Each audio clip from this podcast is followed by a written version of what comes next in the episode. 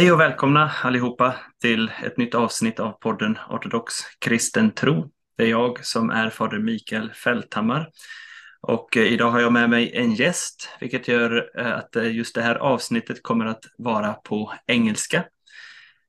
Min gäst är präst i USA och jag ska strax presentera honom. Om det är så att du tycker om den här podden och vill stötta den så kan du göra det genom att swisha en gåva på nummer 123 278 8099. Den här podden är också sponsrad av bokförlaget Artos och idag ska vi prata om offerteologi i Gamla Testamentet och vad det har för implikationer för Nya Testamentet. Därför så vill jag rekommendera en bok som heter Evangeliets gryning eh, det är kyrkofädernas kommentarer över Gamla testamentets läsningar så som de är eh, organiserade i Svenska kyrkan, deras kyrkår. Men eh, bibeltexterna är ju Bibelns texter och kyrkofäderna är heliga uttolkare. Den boken hittar du på www.artos.se eh, och nu ska jag presentera våran gäst. I would like to give a warm welcome to Archimandrite eh, Jeremy Davis of the Antiochian Archdiocese in America. Very warm welcome to you, Father. Thank you very much, Father. Glad to be here. I'm glad that you're here. Uh, Father, you have uh, written a book called Welcoming Gifts Sacrifice in the Bible and Christian life. This is how it looks, and it's available on store.ancientfaith.com. Uh, it's a wonderful book, and uh, it had uh, it's about um, sacrifice, as it says in the Old Testament, and its explanation and application in the Christian life. And we will delve deeper into that very subject quite soon. But first, Father, can you please um, tell our listeners a little bit about yourself? Yes. Um, so, as you said, I'm a priest uh, in the Antiochian Archdiocese of North America. Uh, have a fancy title, Archimandrite, another fancy title, Protosyngellos, uh, which basically means that I'm assistant to our Metropolitan Archbishop at the Archdiocese headquarters or chancery in New Jersey. Um, so I assist the Archbishop with uh, pastoral matters, things relating to parishes and clergy, um, transfers, assignments, ordinations, seminarians, et cetera, et cetera, et cetera. Uh, deal with a lot of problems, unfortunately, but um, God is our helper. I started this role in September 2021. And prior to that, I was a, a pastor in parish ministry for 15 years in the state of Oklahoma, in the middle of the country. Um, mm. I grew up as a Protestant. I was actually baptized Lutheran. Uh, mm-hmm. My parents both come from uh, long Lutheran lineage. Uh, my father uh, from the Scandinavian line, uh, Scandinavian uh, immigrants, Swedish and Norwegian, and my mother from a more German line, but there's a little bit of Swedish in there too, I discovered. um, so I was baptized Lutheran, uh, but then uh, just attended with my family various Protestant churches, evangelical Protestant churches growing up. And at university, I was preparing to become a Protestant pastor. But as I proceeded through my studies, my eyes were open to like the breadth of Christianity, the history of Christianity, and really felt a longing to search for, you know, deeper theology, more historical rootedness, um, and discovered, you know, the really riches um, spiritual riches uh, within historic Christianity, and that led me to to investigate further, and eventually led me into the doors of uh, the Orthodox Church, where I fell fell in love, love at first sight, and uh, and then joined the church, and later went to Orthodox seminary. Wonderful. It, it reminds me of my own uh, story as well. Mm. Very similar, in fact. Mm. Uh, and I also fell in love with orthodoxy. Uh, mm. so I, I hope that uh, our conversation today will help people to get a feel of our love for the Orthodox Church and maybe perhaps themselves as well uh, start to kindle that love. Um, mm-hmm. Hopefully, uh, your book. Um, let me just say something why I read your book in the first place. Uh, I was also a Lutheran at first, and um, I uh, discovered Orthodoxy. I remember one time a friend uh, gave his critique of the traditional Lutheran understanding of uh, the atonement or the redemption, the work of Christ on the cross. And he said that it's so strange that uh, the wrath of God uh, must be poured out on the Son uh, instead of on us. Uh, what are we saved from? Are we saved from God the Father or from sin and death? Uh, so that's a good question. But I thought to myself at that time, uh, what are you saying? Are you um, criticizing the basic tenets of the Christian faith? So that's how uh, natural it was to me to think of atonement in the terms of uh, juridical terms um, and the um, penal substitutionary atonement terms. We'll get into that later. But as I studied Orthodoxy, I understood more and more that that was a view that was quite new in the church. But it was mm-hmm. so uh, given in my context that it felt like I had to slowly take off my reading glasses that uh, colored my understanding of the scriptural language and the theology in the scripture and in the fathers before I fully could understand the Orthodox view. And your book was like the last piece of the puzzle, explaining certain terms from, for example, in Isaiah 53 or Romans chapter 3 or uh, what have you. So uh, first of all, I want to say thank you for writing this beautiful book, and I highly recommend it to everyone. Um, so let's get started with this subject. What is sacrifice in the Bible? I I asked my wife, uh, "What's the first word that comes to mind when you think when you hear the word sacrifice?" And she thought to herself, "Hmm, well, maybe suffering." So please, Father, what, what is sacrifice? Because I think her experience is quite common.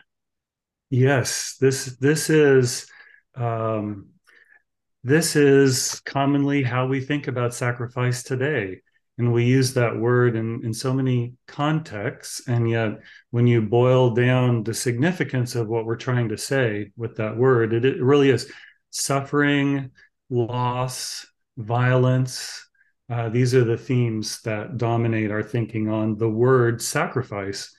Um, however, when we go back to the world of the Bible, both the biblical text itself and the surrounding culture and what we've learned, you know, from historians uh, about the surrounding culture, we find that that that impression, which we have, is entirely foreign to the thinking of of ancient people.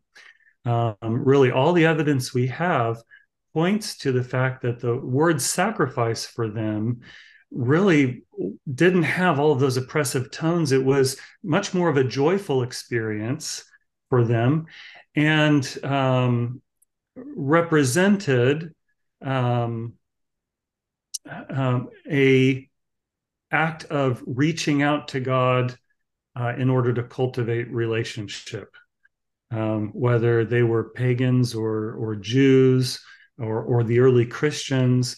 This kind of um, basic understanding uh, was was shared uh, throughout those cultures. Um, the word sacrifice itself, if we look at the etymology, it comes from Latin uh, sacrificare, which means to make sacred, to make holy. Uh, and something is made sacred by being put into the possession of God or a God. So, just in an ancient thinking, everything belonging to God is holy or sacred. So God's house is the temple and it's holy because it belongs to God. God's priests in in the scriptures are holy because they belong to God. So everything that's associated with God is part of that holy uh, category. That uh, so when something is made holy, it means to transfer it into the possession of a God.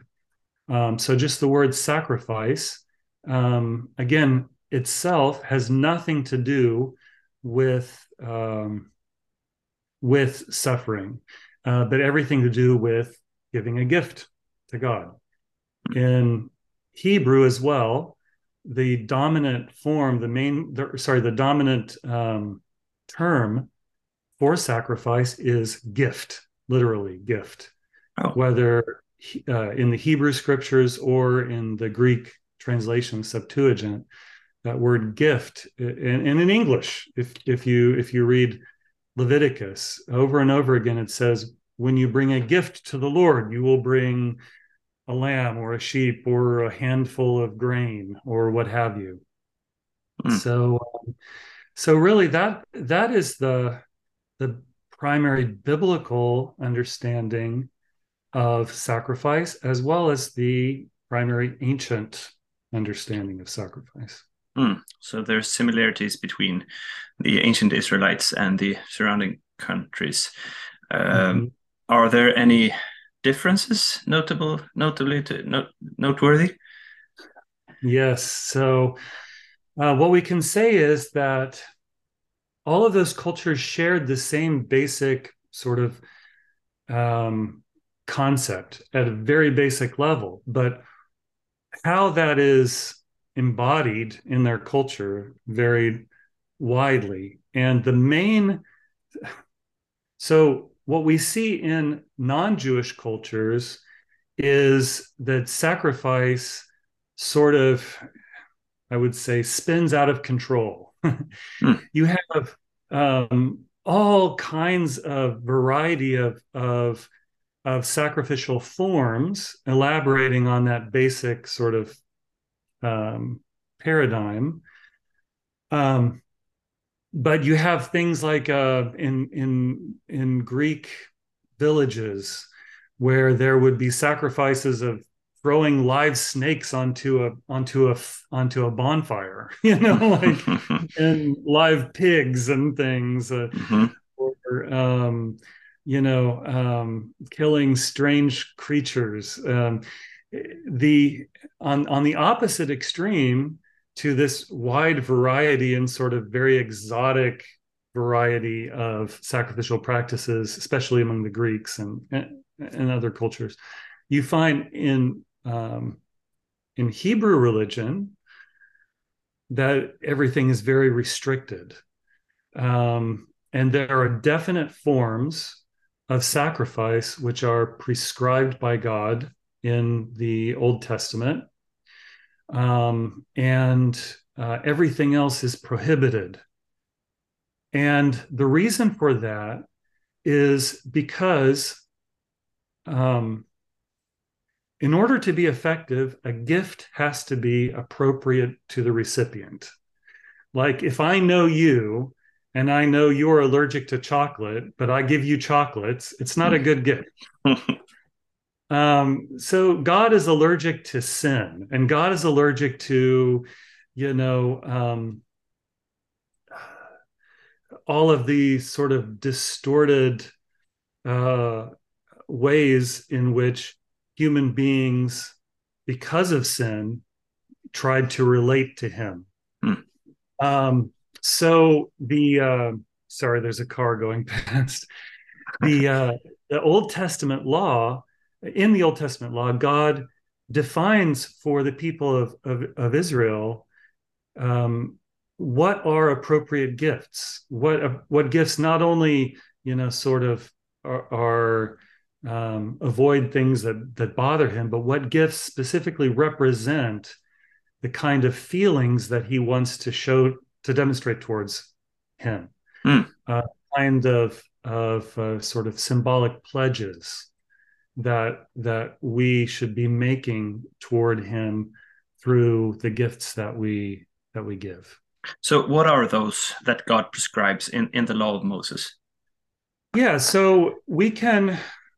Uh, well, just first I'll describe them, and I'll kind of pick out the criteria. Yeah. Very quickly, um, they are certain kinds of animals, which are all domesticated animals. So, um, cattle, sheep, goats, uh, pigeons, turtle doves. Those are the kind of animals that, that can be offered in sacrifice. In addition to that, grains, uh, certain grains can be offered in sacrifice. Uh, wheat, and specifically semolina, which is a certain kind of wheat, which was more of a luxury item in um, the Hebrew world. Mm-hmm. Uh, barley or um, legumes like chickpeas. mm, okay. Uh, and and those could be offered in the form of processed flour soaked in olive oil, uh, or they could be offered as baked goods. So Leviticus prescribes that you can take uh, semolina and prepare cakes or crackers or certain kinds of baked goods without yeast, um, and, and then offer those as sacrifices as well. So when we consider the criteria uh, that that are applied to sacrifices, um, first we see that they're all food. Uh, and uh, food is very symbolic for human beings throughout human cultures. It represents welcome, it represents relationship. You know, think of sharing a meal together, especially on important occasions. Hmm. Uh, think about when you welcome guests into your home and the attention that you pay towards um, providing, you know, good foods that that that they like uh, to show them that you want them in your life. So that's a very key component. Um, Let me just say, Father, this is yeah. uh, so good to hear because at first, at a first glance, you can think that perhaps uh, the the the animals that are okay and or prescribed are just random animals or random uh, offerings. But no, yeah. uh, when you say in your book and right now that it's food, uh, yeah. and you say later also it's not just food, it's dishes. It's prepared yes. dishes. Like uh, when you welcome someone home, you give them a snack and a drink. The first thing yes. you do, welcome to. I'm honored that you are here with me, yeah. and uh, it's uh, it's wonderful to read and understand that when uh, uh, when looking at sacrifice. Yes, yes, and and uh, sort of building on what you just said in the book of Numbers, it's uh, there's a there's a requirement that whenever a meat offering is brought, whenever an animal sacrifice is brought, that it has to be accompanied by oil soaked semolina, which is like a starch, and um, and wine, and there's specific amounts. So it is literally a meal. I mean, it, it's not just uh, another thing that we, you know, sort of our impression that we have about sacrifice is that an animal is sort of killed and its body is thrown up on the altar, or maybe even the live animal is, you know, placed on the altar and throat is slit because we're so obsessed with the killing of the animal. Mm. But the instructions in Leviticus show that that the animal has to be processed into meat. You know, it's mm. it's it has to be skinned it has to be divided into portions of meat even if the whole animal is being offered as a whole burnt offering even if all of the meat is going on the altar, it has to be divided into portions. So would you would you keep? Sorry, for, forgive me, Father. Would you keep the intestines, uh, or would you would you just uh, offer the the good meat parts, or in, in well, such a sacrifice? A burnt, when a whole burnt offering is being offered, the intestines are offered, but they have to be washed first. Right. Okay. So uh, the scriptures require that they be washed first. But think about, I mean, honestly, we have different kinds of sausages uh, yeah. where the intest- intestines are used for casings, so they're they're considered food as well. You know. Yeah, and don't get me started on traditional Norwegian foods dishes. uh, forgive me for interrupting, Father, but uh, it's very in- interesting to hear you talk.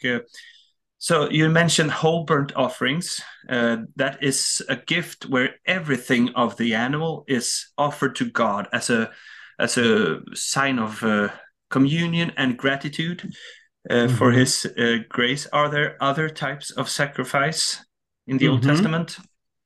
Yes. So Leviticus chapter three details instructions for peace offerings peace offerings encompassed different ways of showing gratitude to God for some blessing in one's life. Um, and those are distinctive in that they become the basis of a celebratory meal that's shared between God, the priests, and uh, the worshipers. So the instructions in Leviticus say that uh, the the food has to be divided. First of all, the best parts are burned on God's altar, His table. Uh, uh, God's altar is also called His table in mm-hmm. in the Old Testament, like a dinner table. Like a dinner table, yes. And so the best portions, which are defined in Leviticus, they have to be burned on, on God's altar as his portion because he's the most honored guest. Mm. Um, then, sort of the second best portions are given to the priests as God's agents, the, and in gratitude for them facilitating the sacrifice. But the bulk of the food is then returned to the offerer. And uh, the offerer is required to have the meat have the meal consumed within a specified amount of time. So it's within one or two days depending on the exact type of the sacrifice. And uh, it, it, he ends up with a lot of food. Um, so philo of alexandria who is a was a jewish philosopher uh, who lived around the same time as as jesus but we don't know if he actually knew anything about jesus uh, in Alexandria, Egypt, he explains that this instruction actually requires the offerer to make an effort to bring in even strangers, you know, his friends and family, and to gather a large enough group to consume this sacrifice with him. And so it becomes an extension of fellowship. Hmm. Um, to others, it's also an act of fellowship with God because God is eating his meal and you're sharing in God's meal by by consuming the, the remnants. Hmm. Um, uh, another instruction, Leviticus says that whoever eats the food must be in a state of ritual purity, which in the Old Testament mentality means that they have to be in a fit state for meeting God because it is a, a holy act. It's an act of a fellowship with God. So, um, so those peace offerings become a an occasion for celebrating this blessing from God together with you know one's friends and fam- one's community. Mm. Um, and then finally, was, yeah, yeah, thank God, yeah, and then finally there are sin offerings, um, sin offerings which maybe we as uh, you know Protestants um, former Protestants are, are most familiar with because that's kind of what's what we're obsessed with is sacrifice as a way of dealing with the problem of sin. And and certainly that that is one aspect. The sin offerings were offered uh, whenever someone uh, committed certain kinds of sins this was a way of reconciling with God. It's very interesting that actually the the kinds of sins that could be remedied with sacrifice were very limited.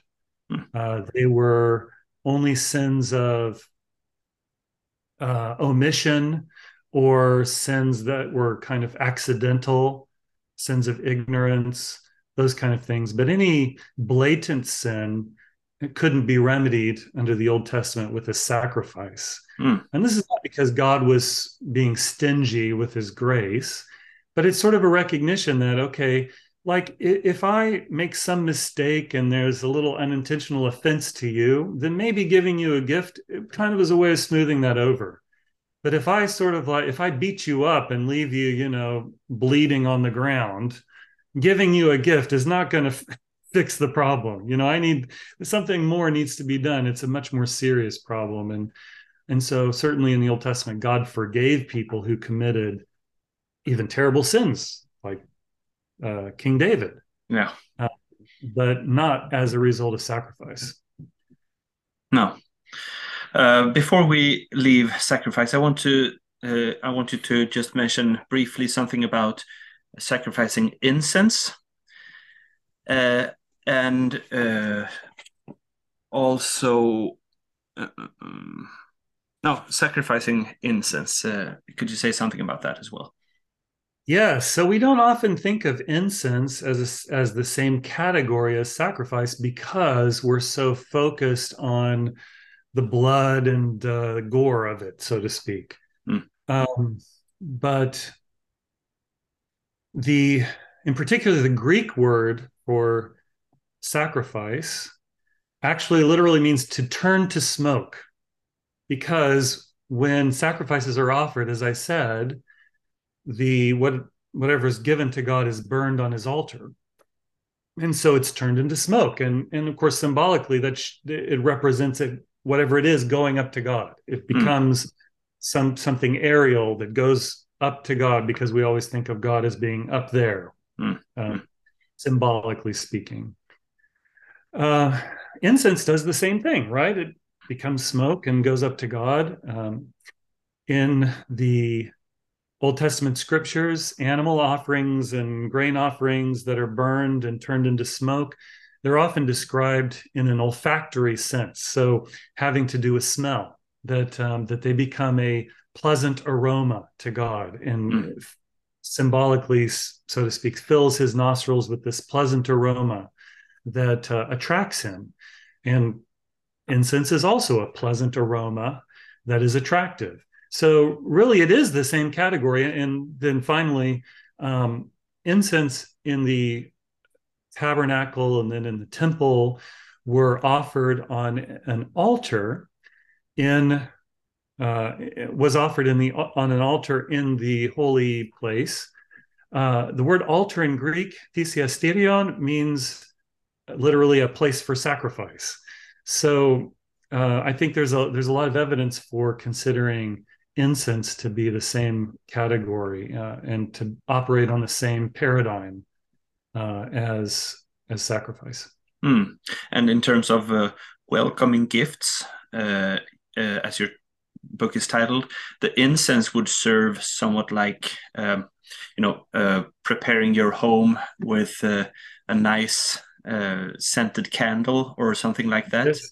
yes, precisely. So it's another way that we welcome people into our homes, into our lives, is by an attractive fragrance. I mean, also think of cologne or or perfume that people put on their person. It's it's a way of, you know, sort of make attracting people to you and and making you know relationship easier.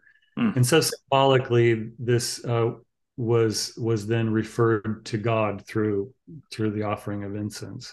Mm. It's important for us to realize that these were metaphorical gestures too. I mean, sometimes we think like we have this sort of modern superiority um, sense of superiority where we think ancient people. I mean, how in the world did they think that God ate smoke? You know, like hmm. they fed God through smoke, or or they thought he had some nose floating up there that you know received these smells and that it changed his mind.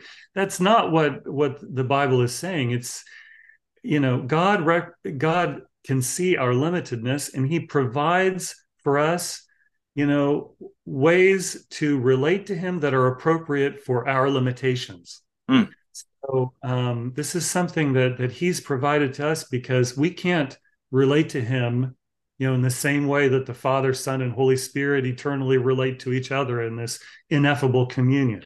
Mm, of course. To relate to Him in a way that uh, that that is comprehensible to us, and so it these are gestures, and it's the symbolism and the meaning that matter.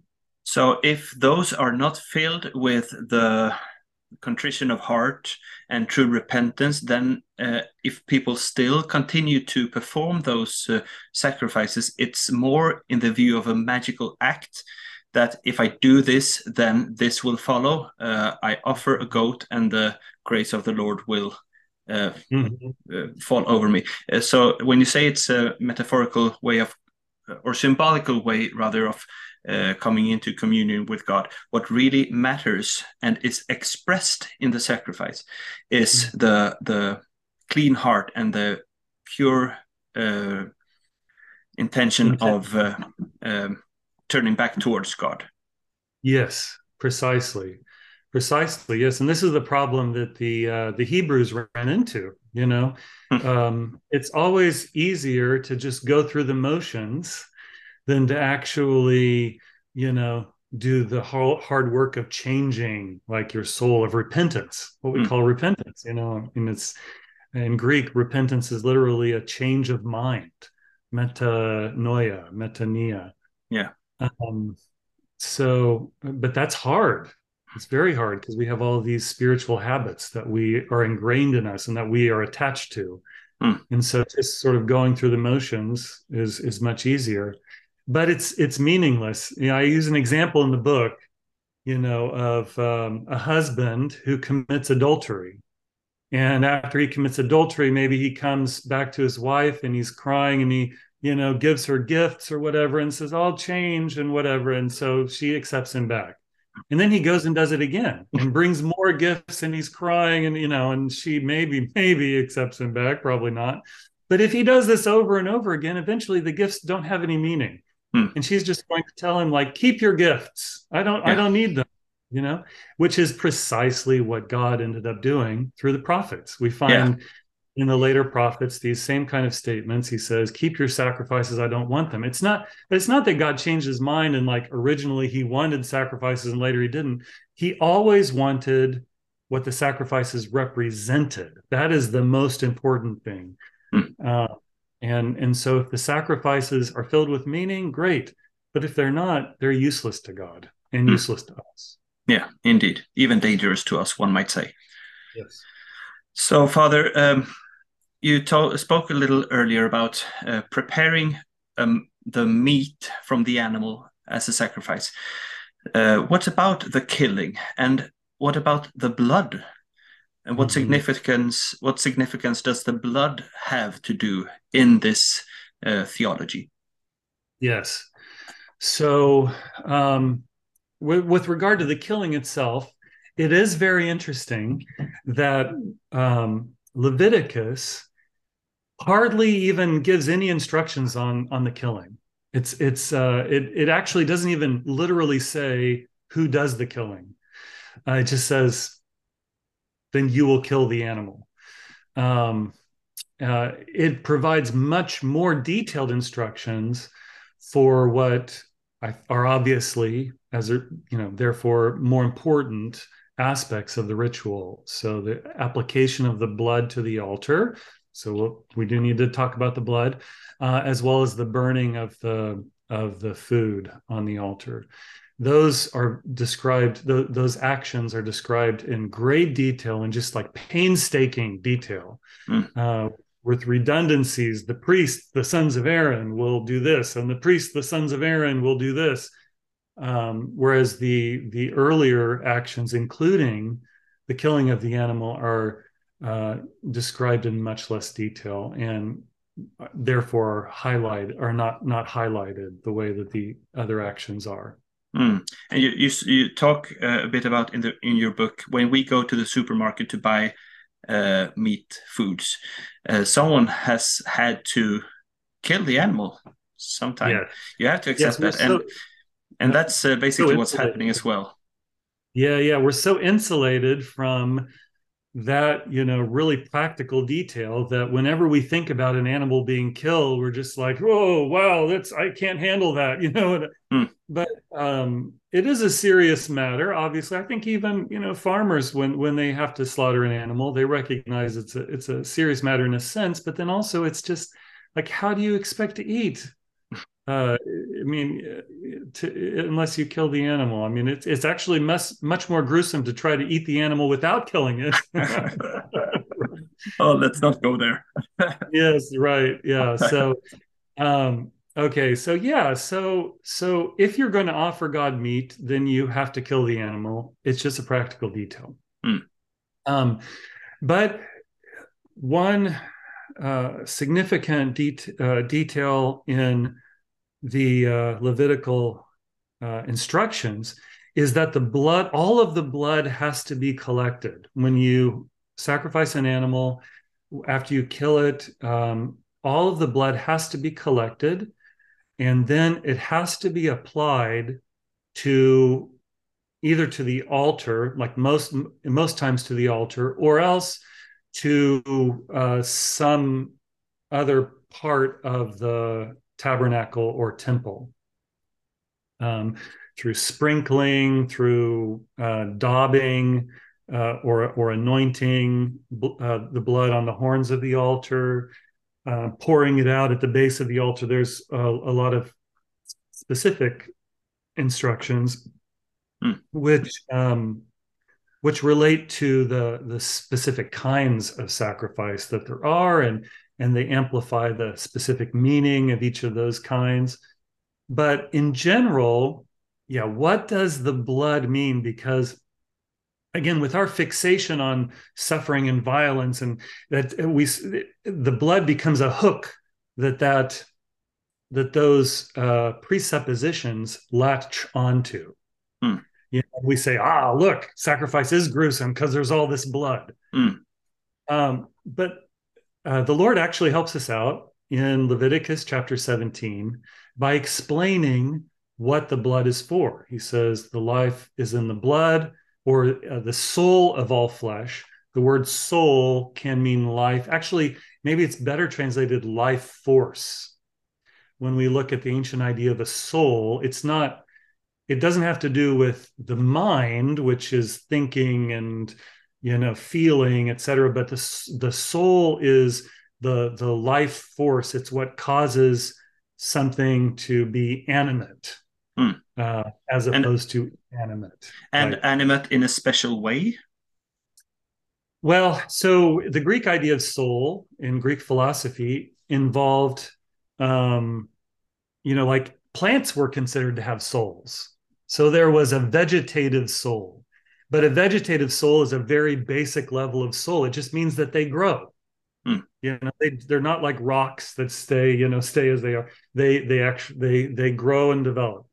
Then there's animal soul in Greek philosophy, which um, uh, involves, you know, like a higher level. Not only do they sort of grow in size, but they also uh, see, have appetites.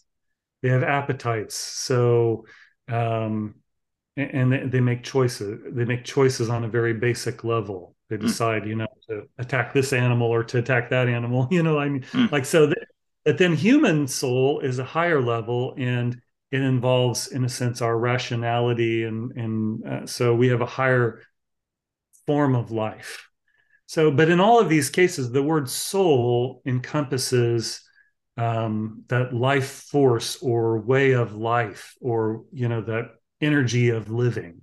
Hmm. Uh, so God says, um, the soul of all flesh is its blood, and I have given it to you to make atonement on the altar in place of your souls, for its blood makes atonement in place of the soul.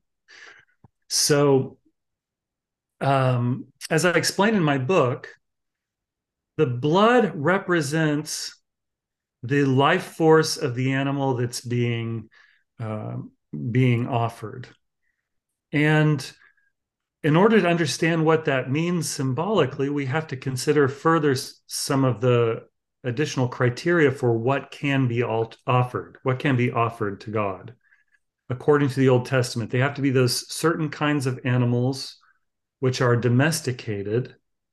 And those kind of animals, according to Philo of Alexandria, they possess three qualities. One is that uh, they they are obedient. You know, domesticated means they're tame. Mm-hmm. Um, so tame and obedient. Number two, they are not predators. They're not carnivores. So they don't eat other animals. They mm. eat plants, but they don't eat other animals. Uh, number three, they are uh, beneficial to human needs. So they provide for human needs. So um, we think of, you know, not only providing meat, but uh, they provide milk. Uh, they provide um, materials for clothing, um, whether it's leather or, or wool. So they provide for basic human needs. And so Philo says they represent um, obedience, uh, or yeah, obedience, um, harmlessness, and beneficence or beneficialness. Uh, additionally, they have to be unblemished which means they can't have any defects, physical defects. Mm. So all, the animals have these qualities, these physical qualities, and those physical qualities then become symbols of the intentions that the offer is demonstrating towards God. So when the offer is making this offering of an animal that is obedient, harmless, beneficent, and unblemished. What he's doing is, is demonstrating to God his commitment to be obedient, harmless, benef- beneficent, and unblemished in his relationship with God. Mm. That he's going to be obedient to God, that he's not going to harm his fellow man, that he's going to uh, provide for the needs of others, and that he's going to seek to, to purify his life of uh, spiritual defects. So the animal's physical qualities come to represent um, the spiritual qualities that God wants and that the offer is committing to give to God. Hmm. So the blood, what does the blood mean? The blood as a symbol of the qualities of the animal's life is then communicated to God um, to express that commitment to show those qualities in one's own life. Right. The altar where the symbolic meal is going to be burned is first prepared by being painted, so to speak, with this symbolic blood, so that when that meal is offered, it becomes imbued with with all of that symbolism that hmm. meaning mm. right uh, so let's move on to uh, is there any part in the sacrificial theology of the old testament where the one bringing the sacrificial animal or food dish um, puts his or his family's sins upon the uh, sacrifice that's interesting because that is a, a common misconception. Um, and what it involves a um, a confusion of sacrifice with another ritual that we find in the Old Testament law, which is the ritual of the scapegoat, uh, which is accomplished on uh, the Day of Atonement. So, on the Day of Atonement, there are, two goats uh, which are brought to the high priest, and he casts lots. So one of the goats is receives the lot for God, for the Lord, and uh, and that one is offered as a sacrifice. But the other one receives a, a lot for Azazel or uh, or the uh, the expelled in Greek, mm-hmm. Mm-hmm. Um, and uh, that one uh, is sent away from the camp. But before it's sent away from the camp, the high priest puts two hands. This, the text is very specific two hands upon the animal's head, and then confesses with his hands on the animal's head, confesses the sins of all Israel. and then sends the the animal away. Now, in sacrificial rituals, so that is not a sacrifice, by the way. That's not a sacrifice. No, Uh, that in that what that goat is not killed. It's sent It's away. It's just sent away. Yeah. And so it- it's it's not in any way considered a sacrifice. It's not called a sacrifice Hmm. in the the text of the scripture. Hmm. Um, so in sacrifices themselves, um, there are instructions for the offerer to place a hand on the head of an, the animal that he's offering. However, it is very specific that it is one hand, not two hands. And we might think, oh, that's just a silly little detail. But no, everything in the scriptures, in these ri- rituals, is so precise. This is a this is a different action than the other one. And in no case does it say that when placing that one hand on the animal, the offerer will confess sins. Moreover, that hand pressing or hand placement in sacrifice applies not just to sin offerings, which do have to do with sins, but also to peace offerings, which have nothing to do with sin. As I said, peace offerings were a way of celebrating God's blessings. What does that have to do with sins? Why would you confess your sins? It, it, it would doesn't uh, doesn't um, seem to to to mesh uh, with with that idea. Hmm.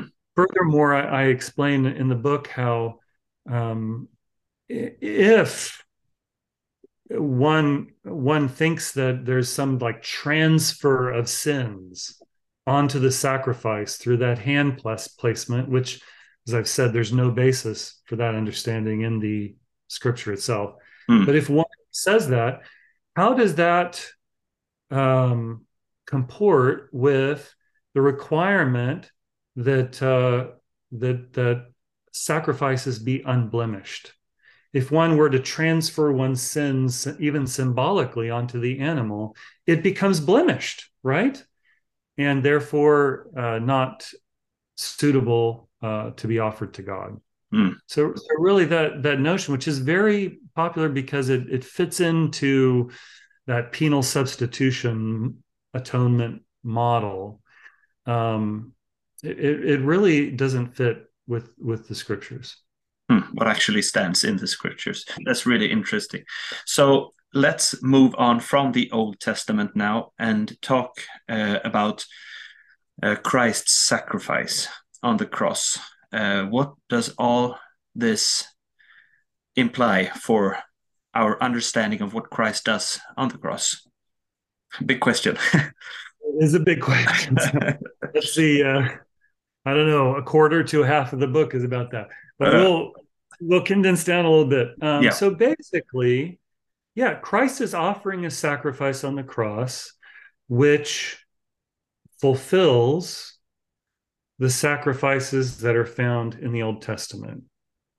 So it operates on the same basic logic that we've just described um, for the Old Testament sacrifices. Um, as as they were a gesture of commitment towards God, um, so his sacrifice is a gesture of commitment towards God.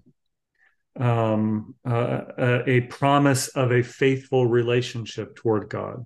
But there are some big differences between his offering and the Old Testament offerings, which um, which are key to our understanding of salvation. Because obviously we're we we're not saved, and no one was saved through the Old Testament sacrifices because they failed to be fruitful. Hmm. Um, but with Christ's sacrifice, first of all, he offers it on behalf of all humanity, and this is very key the church fathers point out that Christ, because he was born of a virgin, um, he is a new start for humanity. Like he's not a continuation of just the same old, same old one son being born to a father and then having his own son and having his own son. That this is this is something new. He's born from the the the virginal earth of the of of Mary's womb. Um, and so St. Paul calls him a new Adam. He's he's the new Adam. And just as the old Adam was uh, originally a, a, a, representative of the whole human race and sort of set the, the pattern that the human race followed after him, Christ comes and sets a new pattern that anyone who puts their faith in him, who puts their trust in him, and is united to him through baptism, they then take on that new pattern of life and they enjoy the the blessings of that new pattern of life. And they also should follow that new pattern of life in the way that they live their own life. Um, so christ offers this sacrifice on behalf of us all um, and as a way of committing us to in a renewed way of being faithful to god.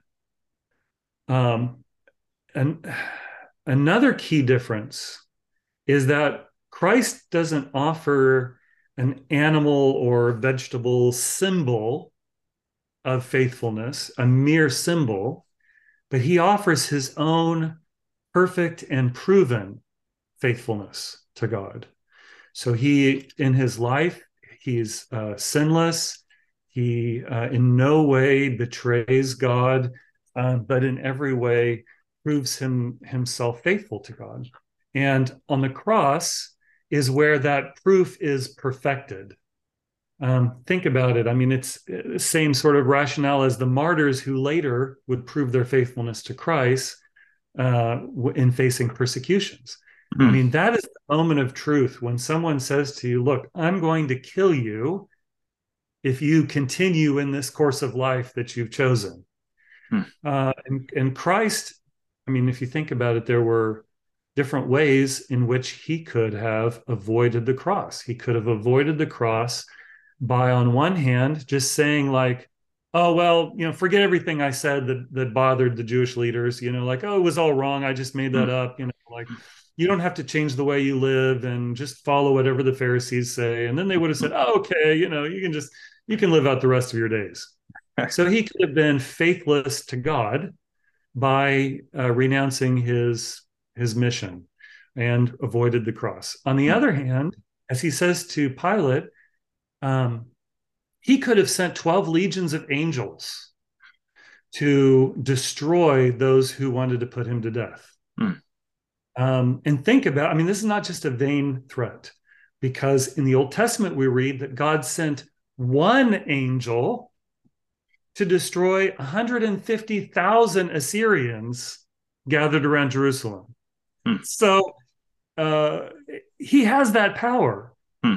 And yet, if he did that, he would have proven faithless in love towards his fellow man, which is, of course, an essential part of, of what God sent him to do. Hmm. Um, so the fact that he refused to go off course in either of those two ways, that he persisted in his faithfulness towards God and mankind, even though it led to the cross, that makes the cross a symbol of his perfect love and perfect faithfulness and proof of, of his perfect love and perfect faithfulness. And his blood also shed on the cross becomes proof of his perfect love and faithfulness. Yeah, because he's meek, meek and humble, uh, the servant of the Lord all of those things, yes, are, are gathered together, and the soul is in the blood, mm. right? So his blood coming forth represents not just the fact that he died, but the way that he lived and died. Mm. Uh, represents his his life force, his life itself, the quality of his life. Uh, uh, the, so he offers that. Yeah, go ahead. The gospel uh, the the evangelists they are uh, they think it's important to underline that uh, Christ is not killed, but that he himself gives up his spirit. Is that a way of uh, showing that he is the one bringing forth himself as a sacrifice and sort yes. of killing it himself? I mean, yes. giving up his own spirit. So he's the one who is yes. offered and the one offering, so to speak. Yes, yes. So he is the priest of his own sacrifice. He's the offer of his own sacrifice. It's interesting, though. I'll, just a, just a slight tweak on what you said. Yes. Um, in the Old Testament, we find in the Levitical law, we find that it's not the priests who kill the animals. Um, it's the off. It's the uh, the human offerer, or yeah, the the offerer who the layperson who who mm. kills them. Mm. Um, but so when we say Christ is the priest of his own offering, really, it's not about his death per se, but about his offering of faithfulness to God in the midst of his death. Um, it's it's uh, so so the death becomes, and he's killed not by himself, right? But he's killed by the Jews. Now he allows himself to be killed because he doesn't divert into either of those paths. Mm-hmm. Yeah, you know, but um, he doesn't kill himself. He's killed by uh, the the human beings that are going to the, to benefit from his oh, yes right um, so but, uh, unwittingly uh, they are uh, bringing forth him as a, a yeah. sac sacrifice yeah. yeah. it all works out for the best in the end yeah uh, uh, so so going back to to christ's sacrifice one final tweak is that because his sacrifice is not just a symbolic gesture because it is the offering of perfect faithfulness by a representative of a new humanity.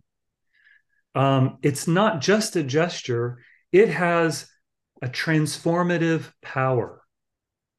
So that when we are united to Christ through faith and baptism, not only do we sort of align ourselves with the commitment that he's made on the cross, but we also are infused by the power of Christ's divine life. And then, furthermore, you know, as we partake of his body and blood in communion, we're infused with his uh, divinized, perfected human life um, and empowered then by that life to be faithful so it's not it's not i want to be clear because some people have heard what i've said and, and thought that it, this is just like a, a moral idea of atonement like christ set a new pattern of life and now it's up to us to follow it mm. but it's essential that through his death he's empowering us to follow in his in his footsteps mm.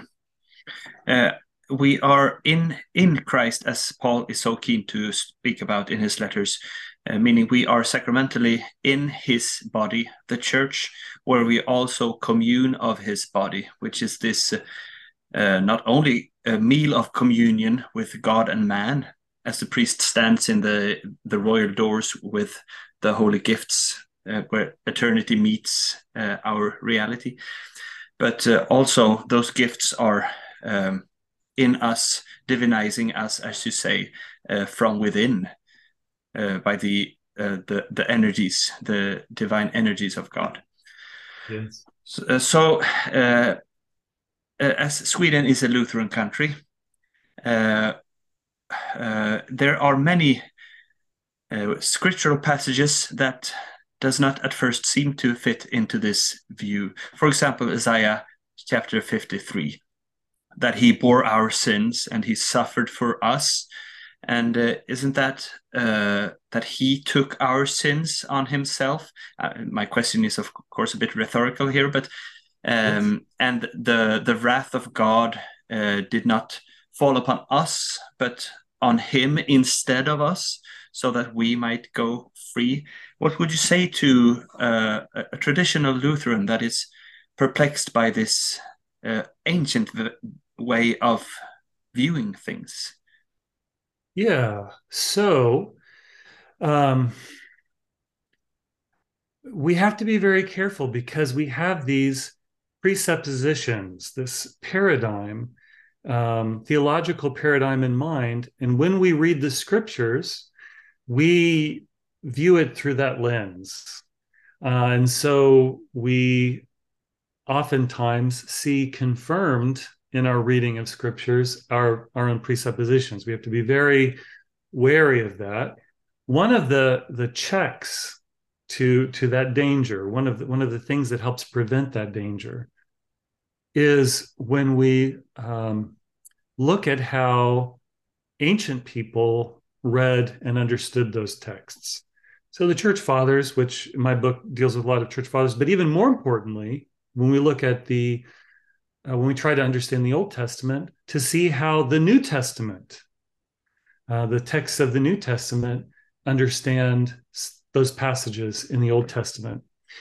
Um, so now I'm I didn't look up the text ahead of time, but um, in Matthew, um, I think it's in Matthew. Um, you mean chapter eight, where Jesus heals? Yes, Matthew people? chapter eight. Yes, Matthew chapter eight. So, um, so in Matthew chapter eight, uh, there is a quotation from the prophet Isaiah from Isaiah 53, uh, verse 4, which is the uh, text in question.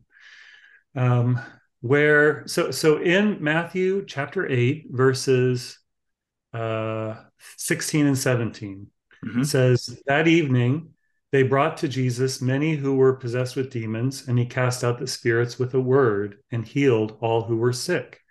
This was to fulfill what was spoken by the prophet Isaiah. He took our infirmities and bore our diseases.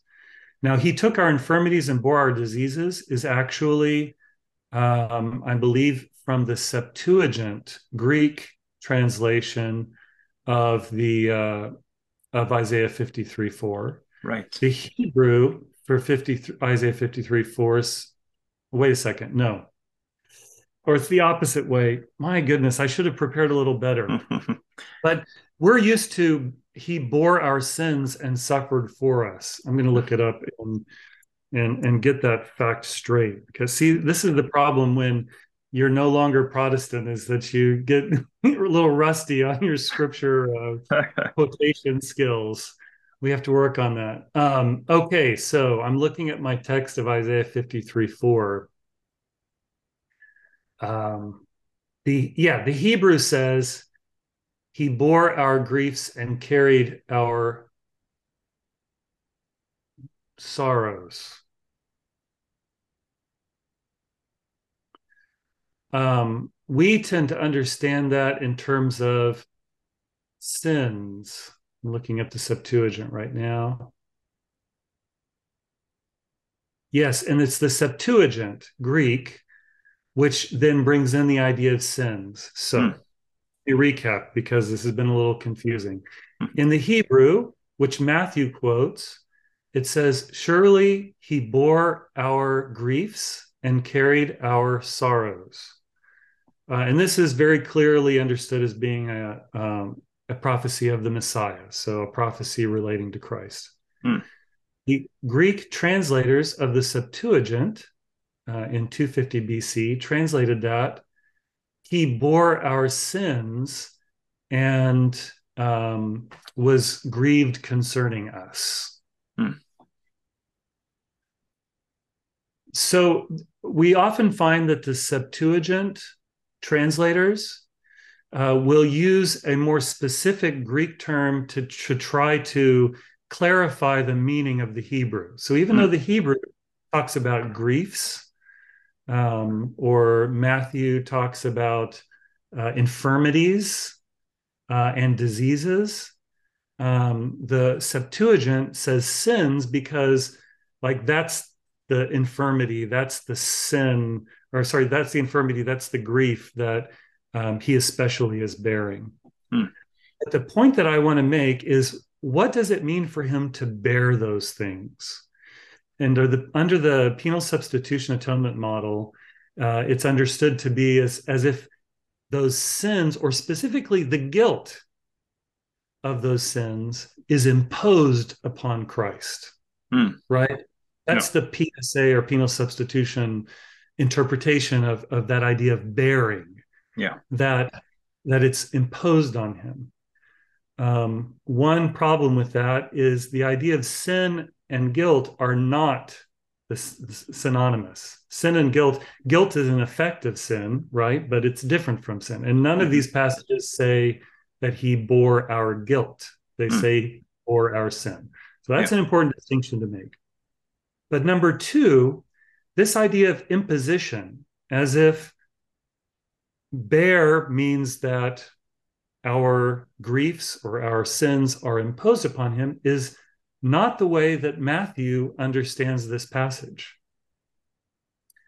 So Matthew says Jesus healed the infirmities of the people, and that is the way that he took their infirmities and bore their diseases. Hmm. What this suggests is that Matthew understands that word bear not in the sense of imposition, but in the sense of taking responsibility for fixing a problem. So, in the same way we talk about bearing someone else's burden, like someone else has a problem, and I help them with that problem, I'm bearing their burden. Hmm. So, these people come to him who have, in the case of Matthew chapter 8, who have physical problems. He bears their burdens by fixing their physical problems. Hmm.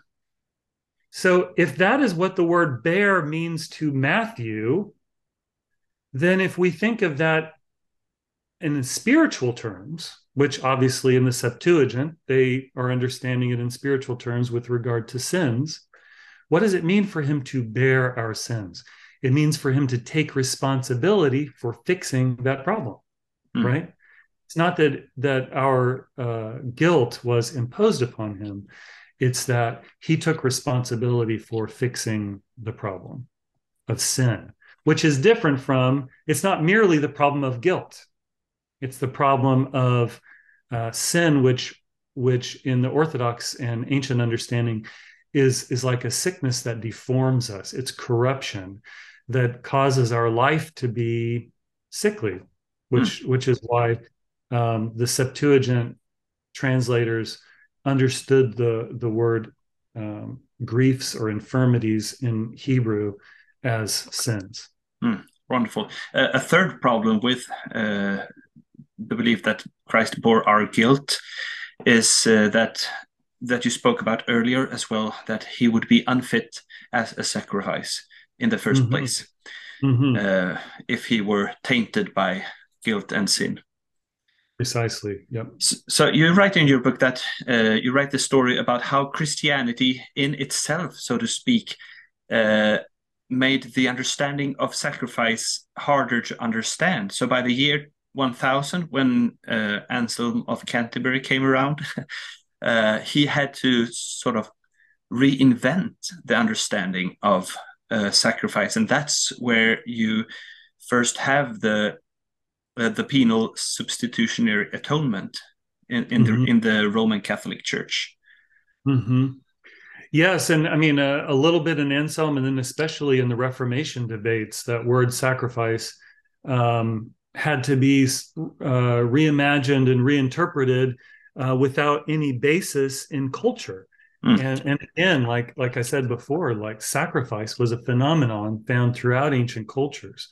It was something that, in fact, ancient people didn't bother to define or explain like base the basic significance of sacrifice because it was all common knowledge it's sort of Mm. like many things we take for granted. We would never you know write a book explaining um what it means to shake hands with someone right? Like we would never like go into detail to to just to describe the significance of shaking hands um, because it's just something we understand or of laughing. We wouldn't like write a book to detail what it means to you know laugh and what that symbolizes because we do it all the time Hmm. uh, in the ancient world they were doing these ritual sacrifices all the time whether they were jews or um, or greeks or or other uh, pagans Hmm.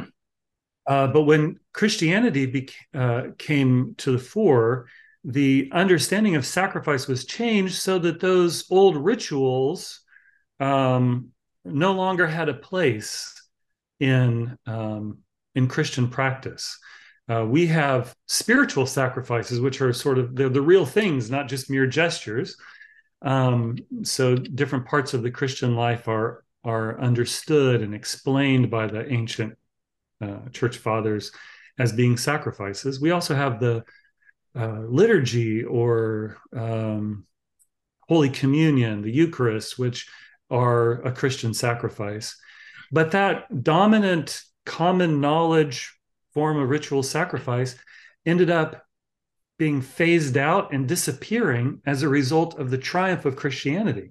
So that by the year 600, roughly, um, sacrifice, like those ancient ritual sacrifices, were gone from the Mediterranean world.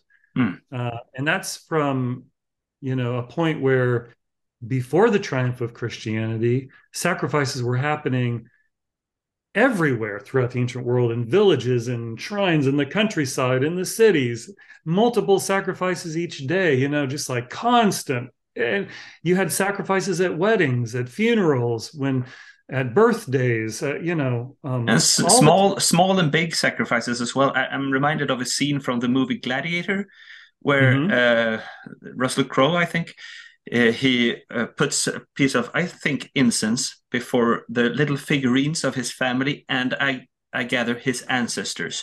Mm-hmm. Sort of uh, sacrifices in everyday life to his ancestors. But when Christ came and uh, fulfilled the perfect sacrifice, that that's what the church took, and uh, uh, sort of did away with all other sacrifices yeah. Uh, Jewish and pagan. And so yeah. the only sacrifice that were common in the Mediterranean and Europe uh, at the year 600, as you say, was the Christian sacrifice. Yes.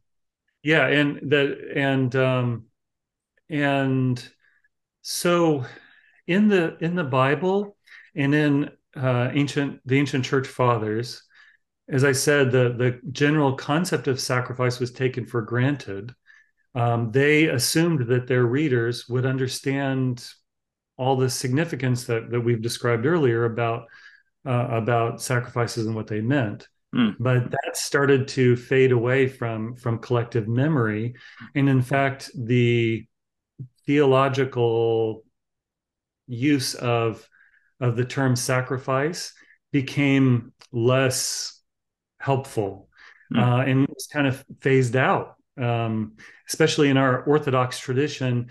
You know, we we do have mention of sacrifice in certain texts, but it's not the dominant way of describing how Christ saved us because it just became um, not not as much of a helpful category when people didn't have familiarity mm. with the practice and what it meant. Mm. Um, but but in in Western Christianity, so apart from Orthodox Christianity, which was dominantly in the East, in Western Christianity uh, in the 16th century, the term sacrifice came up in, in debates between Protestants and Roman Catholics about uh, whether the Eucharist was a true sacrifice or not. Of course, the Roman Catholics would say that it was, and Protestants said that it was not, that Christ's was the only sacrifice. And so when they were debating this, they had to have a basis for the debate and, and they defined sacrifice but they defined sacrifice in kind of a circular manner on their understanding of the cross. They said the the uh, the cross is a sacrifice which of course we would all agree the cross is a sacrifice but they understood the significance of the cross coming from Anselm and uh, from from other uh, roots in their tradition uh, the significance of the cross as being based in punishment, in the violence that Christ endured. Uh, and so then they reinterpreted the word sacrifice in terms of violence. Uh, and then and then that's become dominant even outside of theology in our general culture. Mm. Um, but um, scholars have shown that that's a that's a recent phenomenon. And when we look in ancient texts, um, sacrifice doesn't have that uh, basic significance. So, in my journey towards orthodoxy, uh, as I related to you at the beginning of this conversation, my friend questioning what I thought was the traditional view of Christ's work on the cross, that's actually an innovation from the 1500s, one might oversimplify it and say, yeah. while we have been talking here today about the ancient and uh, really traditional way of understanding sacrifice, um, would you say that's correct? Absolutely. Absolutely. Yeah. Wonderful. Um, so, two more things. Uh, I want to ask one last question and then two questions from our uh, listeners. So, the first question from me is How can Christians today put aside those reading glasses that are informed by the, the debates about Christ's sacrifice uh, at the time of the Reformation? What would your advice be for them? apart from reading your book, of course. yeah, well, um, really, uh, sort of, we can look at the the the basis of the book or the process that I went through in in researching and and writing the book. Um, maybe um, provides a, an example or, or a model.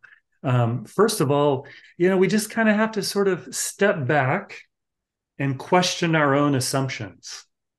You know sort of say like look i know i know this is what i've learned all my life but is there a way for this to be understood differently? And just sort of being a little bit open minded and then secondly actually reading the text of scripture. Um, what led me to write this book was first of all converting to orthodox christianity and just sort of picking up from what i was hearing uh, that the Orthodox understanding of how Christ saved us is not compatible with uh, penal substitution atonement. And so that, that sort of raised those questions.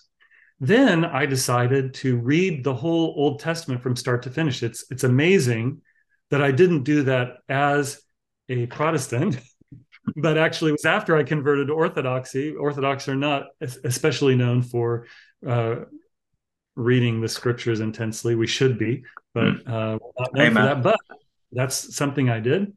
Um, and when I read the text of scriptures and how sacrifice specifically was described, there were all of these things, uh, details in those descriptions and instructions, which were not compatible with a, the penal substitution atonement model. Mm. Uh, and uh, and then beyond this subject of sacrifice, looking at atonement, you know, and you you mentioned Isaiah 53 before. Um, we fo- you know, in in a in a PSA or penal substitution mindset, we focus on certain passages that in our reading confirm our presuppositions. But if you look at other passages, so for example, Ezekiel chapter um, 18 i believe i'm i'm just checking it real quick. No uh ezekiel chapter 18 if you read ezekiel chapter 18 uh the lord uh, contradicts this idea that another person can be punished for this for one's sins so um, this was this was an idea that that the that the Jews were were talking about that God was punishing uh, the parent the children for the sins of the parents, and then in this way they were kind of in, being embittered towards God, and God told them they should not think that way because that's contrary to His idea of justice. But as a general principle, He says that it is the wicked person who will suffer for his wickedness, and it is the righteous person who will benefit from his righteousness, which obviously is fair. He goes on to say, however, that if a wicked person repents and changes his ways and becomes a righteous person, he is not going to be punished for the wickedness that came before.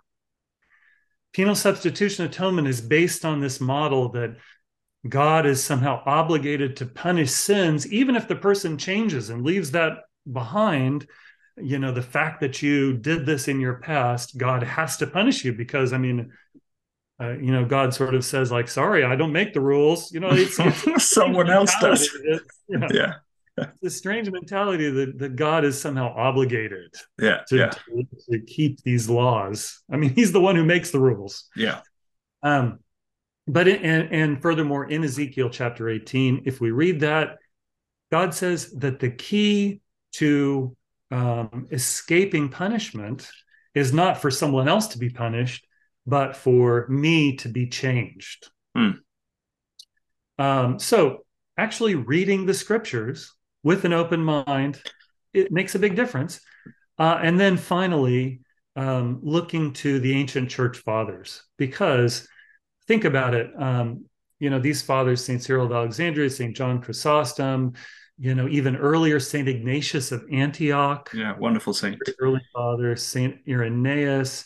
Um, these saints, many of them are reading the scriptures in their uh, in in their native tongue.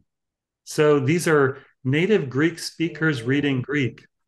I think that they are more likely to understand what it means than I am. yes, and yeah. very closely connected time-wise to to yes. the events of the New Testament.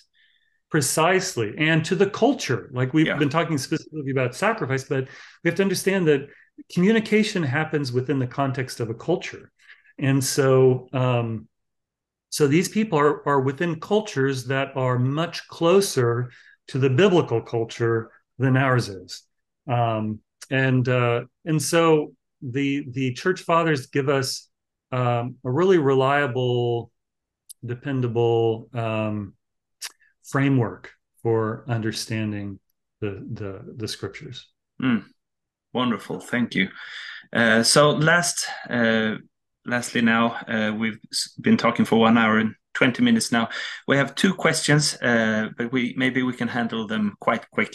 The first one is uh, um, what about the cup of of wrath? Is it in uh, Christ's prayer in Gethsemane? Yes, yes. So um, in Gethsemane, before his uh, arrest and crucifixion, Christ prays to the Father that this cup would be allowed to pass from him if possible, but he says, Not my will, but thine be done. Mm. So he talks about this cup um, that he's about to drink. Obviously, he's referring to the cross. Uh, there, it's a very common interpretation uh, amongst those who hold to penal substitution atonement um, to say that what Christ is talking about here is drinking the cup of God's wrath. Uh, and this interpretation is taken from certain uh, passages in the Old Testament prophets where they speak of a cup of wrath that God is going to give to this nation or to that nation, these people or that people. But there, there's this symbolism of a cup of wrath that God is giving to people. And so, based on that, um, Let me just uh, in, inflict. Uh, so, wrath is not mentioned in the text yeah. uh, of Christ's prayer in Gethsemane. I think that's important to. This is to true. Stress. Where we have, yes, we have to read very carefully. So, his his statement does not say anything about wrath. It just says this cup, um, and this cup that he's receiving, he prays you know, that it be taken from him if possible, but then he accepts it. If we look further in the Old Testament, though, we find that there are many cups in the Old Testament. That there are, you know, there are joyful cups, there are pleasant cups that even David says that the Lord is my cup, you know. so a cup does not necessarily imply wrath. It it can involve wrath, it can involve other very different things. Really, think about a cup. I mean, this is maybe a, a fourth point for how to uh, um, sort of read the scriptures with new eyes. We have to like use our brains. So what is what is a cup? A cup is a container, and it contains something that I'm going to partake of. Hmm. So literally, it, it is a general uh, metaphor which represents, you know, something that I'm going to partake of in the future, mm. some destiny, some fate. And it can be good, it can be bad. Mm. Um, but it, it, it's it's a it's a more general metaphor that the scriptures use. So when Christ talks about the cup that he's going to drink, he's not implying any idea of wrath. He means this experience that he's about to enter, which he asks to avoid because it's going to be a very difficult experience. Of Um, course. but then he accepts it um, out of obedience to the Father and out of love for us. Yeah.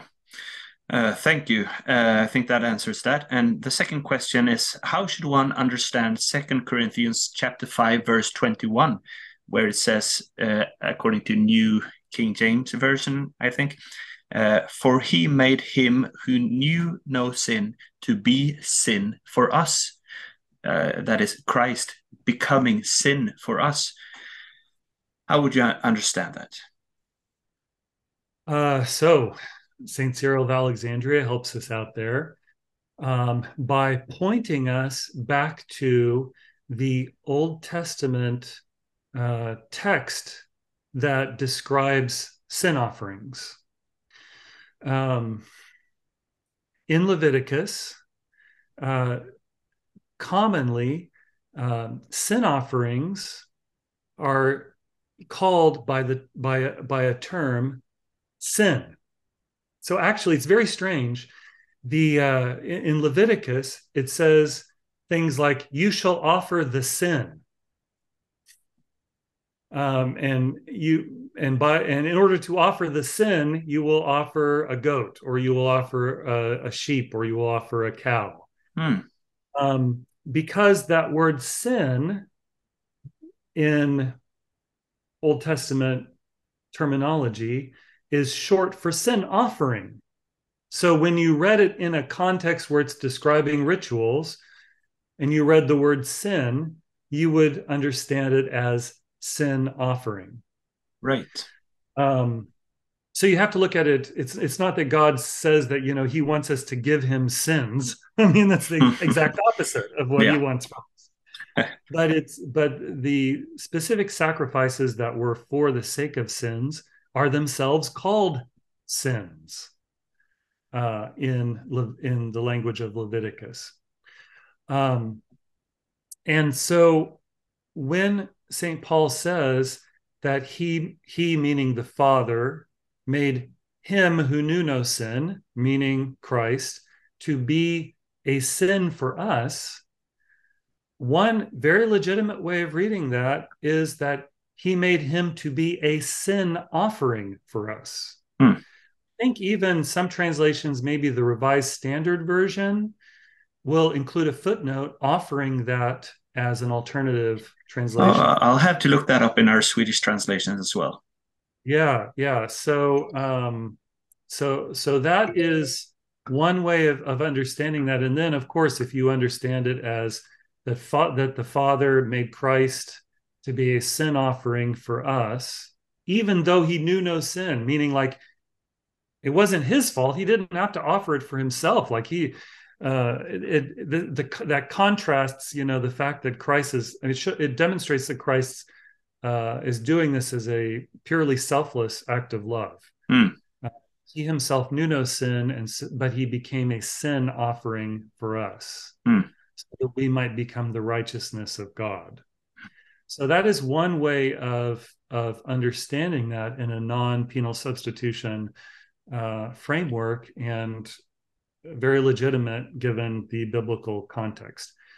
Um, now, another possible reading of that is um, by comparison to Romans chapter 8, uh, verses 3 and 4, specifically verse 3, where it says that God sent his own son in the likeness of sinful flesh.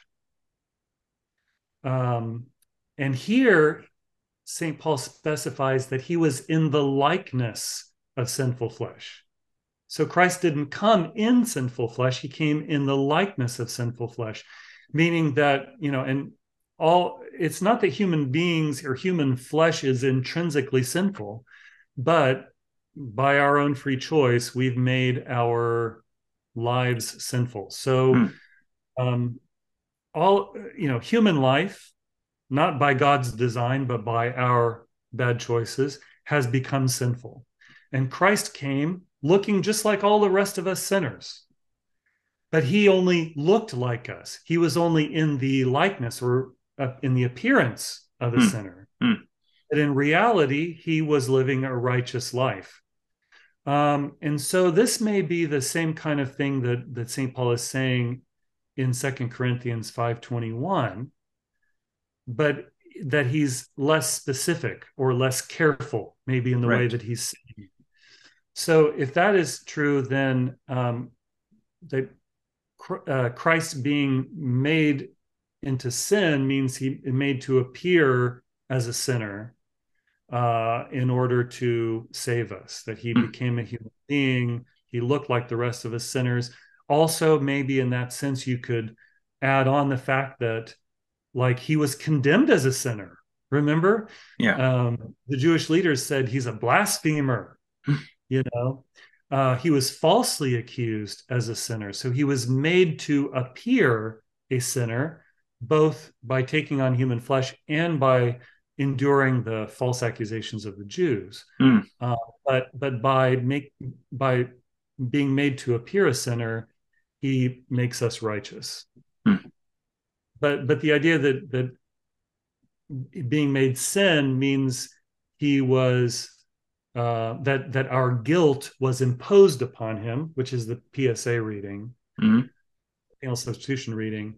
Um, that's not implied here. And I'll again point out the fact that the word sin is not synonymous with guilt. Mm. That's a basic misconception uh, in PSA. Those are those are different things, different but related things. Uh, and we can't just assume that when the Bible says sin, we should read that word as guilt. Mm. Wow, thank you, Father. Uh, I'm uh, so very happy that you've taken your time to walk us through uh, the ancient understanding of sacrifice and how that applies to our Orthodox Christian theology and understanding of what Christ did on the cross and how he was the perfect sacrifice. Um, so I just want to thank you. Uh, where can people find your book again? Well, uh, you mentioned store.ancientfaith.com, which of course uh, is in this is in the states, and so the the shipping would, would be difficult. But it's also available on Amazon and Swedish Amazon specifically. Yes, um, I'll put a link. I'll put a link in the description of this episode, both on YouTube and uh, the podcast uh, place. Great, and that'll that'll be more convenient. Uh, Ancient Faith has a print on demand arrangement with uh, with Amazon, I believe, so that they don't have to ship it from the states; that they can just print it right there and oh. offer it, uh, you know, at a much more reasonable cost. Right, and you and also there's, there's ebooks too, e- ebooks and audiobooks, which which you'd be able to. I'm too traditional for ebooks. uh, you also have a blog. Can you please uh, mention the address? Yes, unfortunately, I've been so busy, I haven't added to it much recently, but um, it's on ancientfaith.com and it's called Rethinking Sacrifice. Um, so if you go onto ancientfaith.com and um, and click on blogs, then you can type in search all the blogs for rethinking sacrifice or or for my name, Jeremy Davis. Yeah. Uh, and it will come up. Wonderful. Thank you very much, Father. And uh, to all my listeners, uh, if you have any questions or comments, please uh, write to me, uh, mikael.falthammar at gmail.com. And uh, that's it for this episode. God bless you all for listening. Thank you and goodbye.